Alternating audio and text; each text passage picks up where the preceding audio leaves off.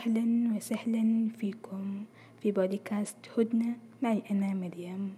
طاب أوقاتكن بكل خير ويسر يا رب. ورمضانكم كريم وتقبل الله منا ومنكم صالح الأعمال. لما قررت أسوي بودكاست كان من إحدى الشروط اللي شرطتها لنفسي هو أن يكون البودكاست شيء يرجع لي أنا. بمعنى أن يكون كل المواضيع اللي أتكلم عنها تهمني بشكل أو بآخر وما فيها من عادات أنا أكون مكتسبتها. وكذلك مستفيدة من أي توصية أذكرها سواء كان لكتاب أو أي شيء آخر. وهالشي حمسني بالتالي إني قاعدة أقدم شيء أحبه وأهتم له. واحتمال لما أقدمه يمكن في شخص واحد يستفيد مني ولو كان بشيء بسيط. وهذا لوحده دب فيني شعور حماسي ولطيف جدا. فحبيت يكون ثاني حلقة في البوديكاست عن التفاصيل الصغيرة اللي قاعدة تضيف جمالية لحياتنا. لكون هذا الموضوع من المواضيع اللي صاير أهتم لها كثير في آخر فترة. فقلت ما يمنع أشارك في البودكاست كموضوع لطيف خفيف ومبهج. عموما لكل شيء في الحياة نقيض. زي ما إن في تفاصيل مزعجة لازم نحن نتجاهلها لأنها تجلب لنا مشاعر مؤذية. في تفاصيل جميلة تضيف لحياتنا جمالية من نوع آخر لما نحن نقرر نلتفت لها ونعطيها تركيزنا واهتمامنا الأكبر. يمكن طرت في بالك الآن وأنت تسمع تفصيلة صغيرة قاعدة تضيف لحياتك معنى ولو كانت لحظية. لما قلت تضيف لحياتك معنى تذكرت حلقة الامتنان أسلوب حياة. لأن فعلا نحن لما نلاحظ ونهتم للتفاصيل الصغيرة في حياتنا نصير نقدرها بأننا نمتن لوجودها. ومع الأيام يكبر هذا الشعور من أنه شعور طفيف بالسعادة شعرنا فيه إلا أنه شعور له بصمته في كل تفاصيل حياتنا مهما كانت.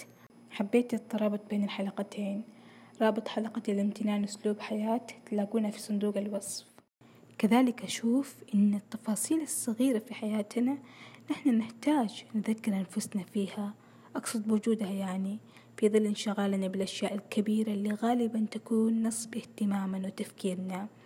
مثلا الآن نحن في شهر رمضان الشهر المليء بالخير والرحمة وفي أيامه الكثير من التفاصيل الصغيرة القريبة من الروح. مثل تدبرك لآية استوقفتك.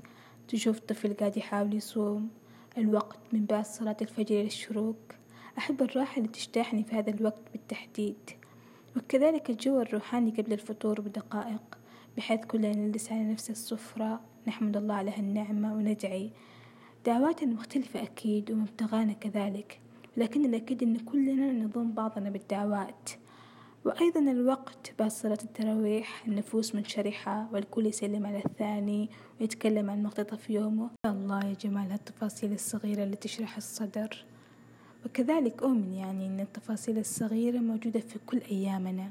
حتى اليوم اللي نقول عنه يوم عادي ما صار في شيء جديد نفس الروتين إلا صارت تفصيلة صغيرة جميلة بس نحن ما التفتنا لها أو تغافلنا عنها. مثلا لما تصحى من النوم وتسمع صوت أهلك كلهم حولك وشويات تجي أختك الصغيرة تبتسم لك وهي تسألك صحيت؟ أو لما بين زحمة أشغال توقف عند المرآة وتتأمل نفسك لثواني وأنت تبتسم. لما تسوي لك شاي أو قهوة بكوبك المفضل اللي رغم أنه عندك أكواب كثيرة إلا أن تحس أن الطعم فيه مختلف رهيب. لما تقضي وقت مع متعك الصغيرة تمارس هوايتك المفضلة أو تتابع فيلم يغير من جوك أو لما أمك أو أختك تطبخ أكلتك المفضلة على الغداء. ولما تمطر الدنيا أحب المطر. أحس إنه يمطر على قلبي بدال الأرض. هذه جملتي المفضلة. كل ما جت المطر قلتها. وكذلك لحظة تأمل الشروق أو غروب الشمس. هذه من أدفأ لحظات حياتي. ولمة العائلة في غرفة واحدة على قهوة والحلا ضحكاتهم. أو لما تساعد شخص من عائلتك بشيء. أو شخص ما تعرفه. شفته في الطريق أو أيا كان فحسيت إنك تبي تساعد وساعدت. أرحم الراحمين يرسلنا لبعضنا البعض رحمات. ولا ننسى أدفأ لحظة لما تنسدح على فراشك في نهاية اليوم وتحمد الله على هاليوم اللي عشته بكل تفاصيله. ومقبلين نحن على العيد السعيد. بلغنا الله وإياكم. هذا الشهر فيه من التفاصيل الجميلة اللي تبهج لها الفؤاد بس لسمعها مثل حلويات العيد العيديات الأطفال بحلات جديدة والكبار كذلك. وصوت التكبيرات وزينة البيت والاحتفالات الصغيرون اللي تصير بكل بيت بطريقة مختلفة التهاني ريحة العود. في تفاصيل أكثر بعد. هذا شهر مليان تفاصيل سعيدة. كذلك في تفاصيل أخرى في حياتك أنت وكذلك في حياتي أنا. قاعدة تخلي من الحياة أجمل وألطف بوجودها. يمكن نحن الآن ما التفتنا لها رغم أننا نعيشها دائما وهي نصب عيننا. لذلك رسالتي لك هي أنك تبحث عن هذه التفاصيل الجميلة في حياتك. تلاحظها تهتم لها تقدرها. أعرف إنها بطريقة ما تعطي لحياتك معنى. قدر هذا المعنى. أنظر له دائما بعين التقدير. أخيرا من نحن لولا تفاصيلنا الصغيرة التي هي مسراتنا؟ شارك الحلقة مع أشخاصك الذين تريد منهم أن يستمعون إلى هذه الحلقة. لكونهم ضمن التفاصيل الصغيرة التي لا تلبث أن تضيف جمالية لحياتك. ودمت بود ورحابة دائمة.